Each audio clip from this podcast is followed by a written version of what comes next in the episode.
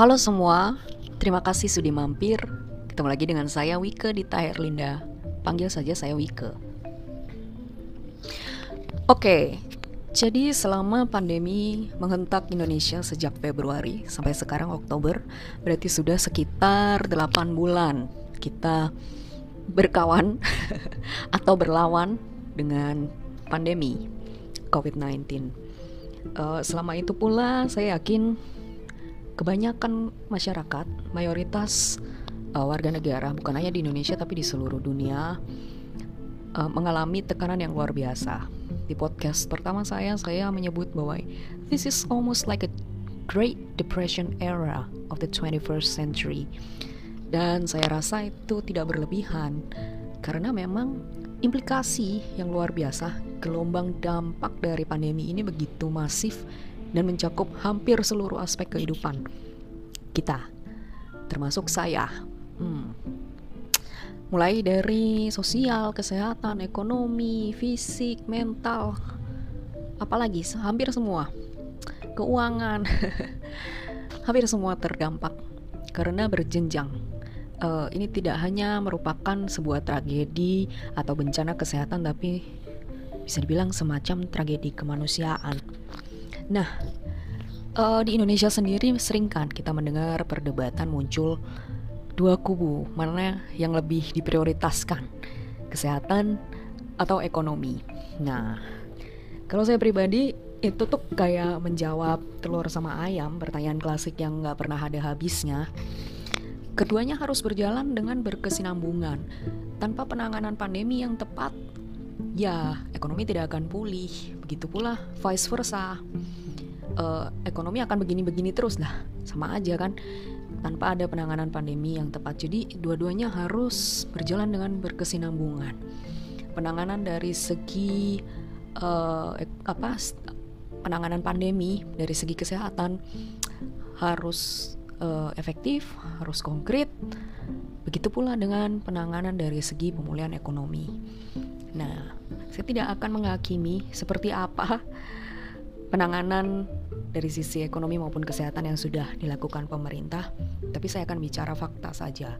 Apa yang dirasakan oleh society, kebanyakan masyarakat, entah itu rural, entah itu urban, suburban. Faktanya sekarang adalah banyak dari masyarakat yang terdampak secara ekonomi. Baik yang tadinya bekerja di sektor formal maupun yang informal. Banyak yang tidak bisa bekerja lagi, terpaksa dirumahkan, cuti tanpa berbayar, pemangkasan gaji, dan seterusnya dan seterusnya.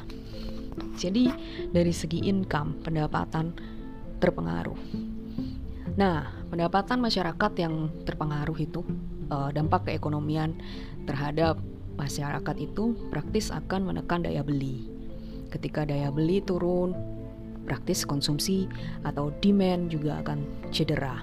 Sebenarnya tidak semua. Jadi kalau kita harus meng, uh, hati-hati menggunakan istilah daya beli dan konsumsi. Sering kita dengar pelemahan daya beli, pelemahan daya beli. Belum tentu. Jangan-jangan sebenarnya bukan daya beli yang lemah, tapi konsumsi.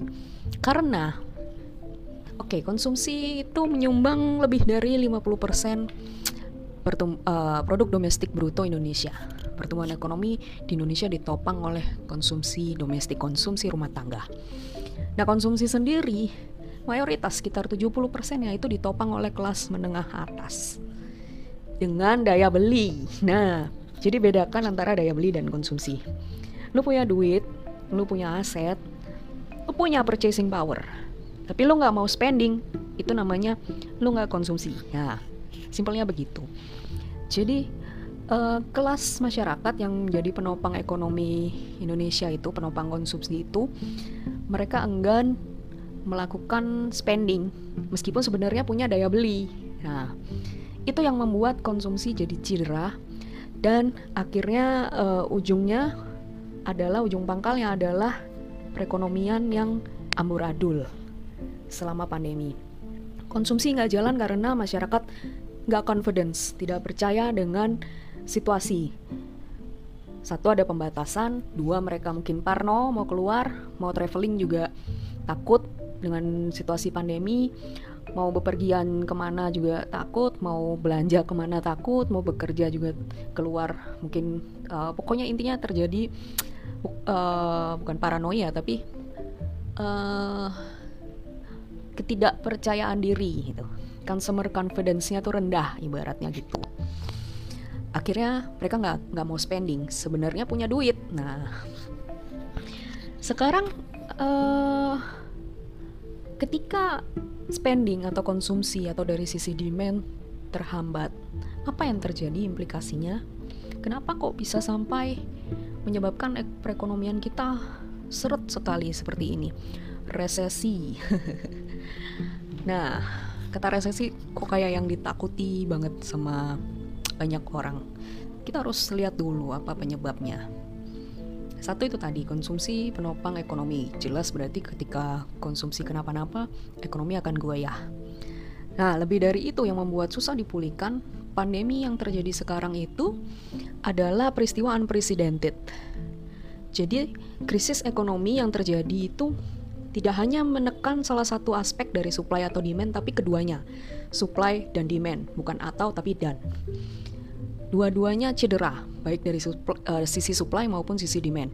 Demand tadi saya sudah jelaskan mengapa kok cedera dari sisi supply sekarang. Kan ingat aja hukum ekonomi supply and demand neraca keseimbangan permintaan dan pasokan. Ketika tidak ada demand, buat apa pelaku industri memacu supply, memacu produksi? Buat apa rugi dong? Uh, bagi yang belum paham, dengan dunia industri.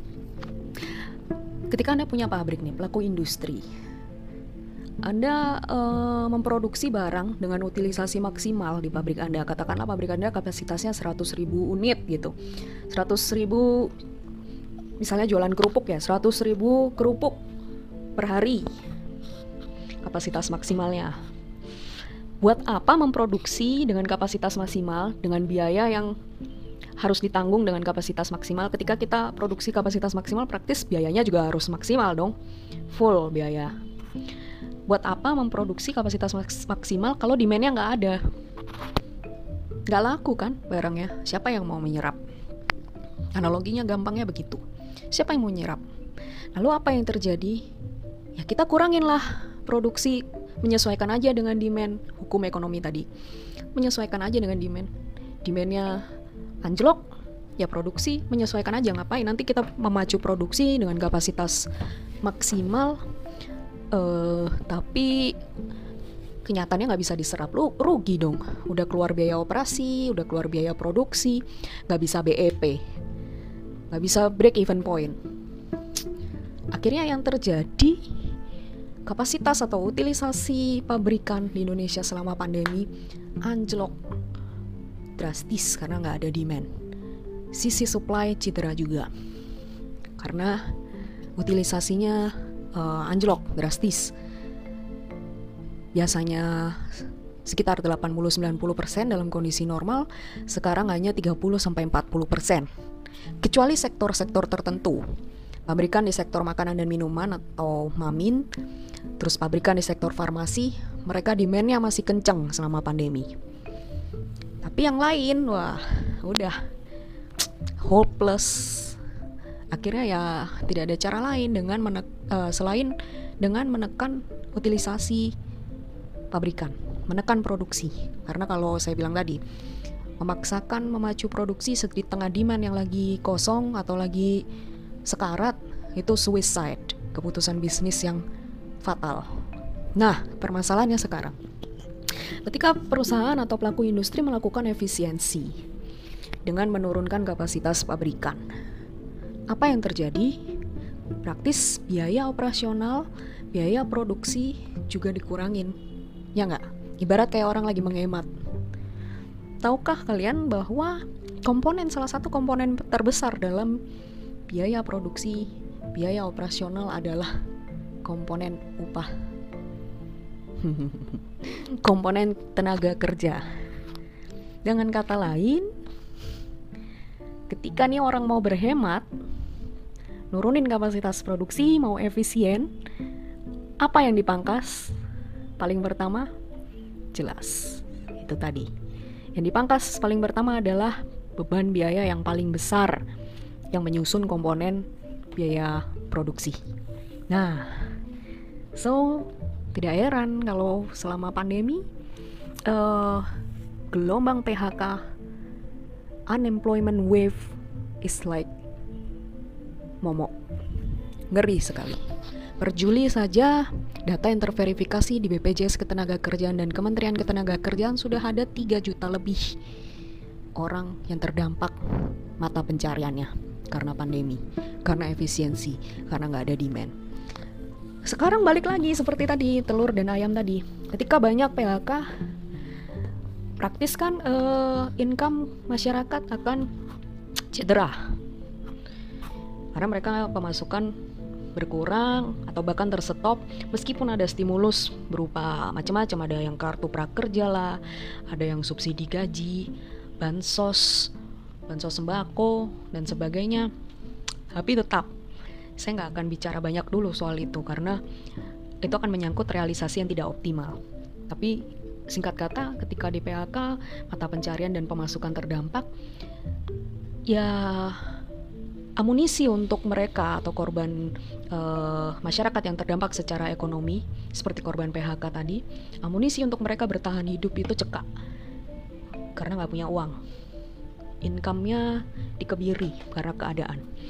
Kalau sudah begitu, ya muter itu siklus, nggak selesai-selesai amunisi uh, apa income turun nggak bisa beli daya beli cedera akhirnya nggak ada konsumsi karena nggak ada demand nggak ada konsumsi produksi macet karena supply harus diturunin, harus efisiensi, akhirnya jual pabrik, nurunin utilisasi pabrik, mecatin karyawan, dan ya siklus yang nggak selesai-selesai selama 8 bulan terakhir.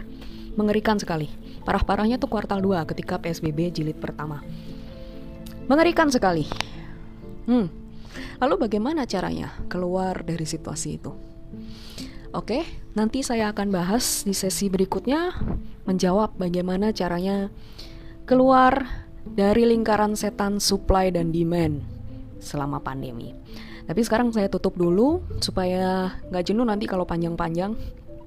Diresapi dulu pemahaman tentang problema supply dan demand selama pandemi itu. Nanti pada sesi berikutnya kita akan sama-sama mendiskusikan jalan keluar untuk masalah ini. Oke, terima kasih sudah bersama saya. Sampai ketemu di lain waktu. Dadah.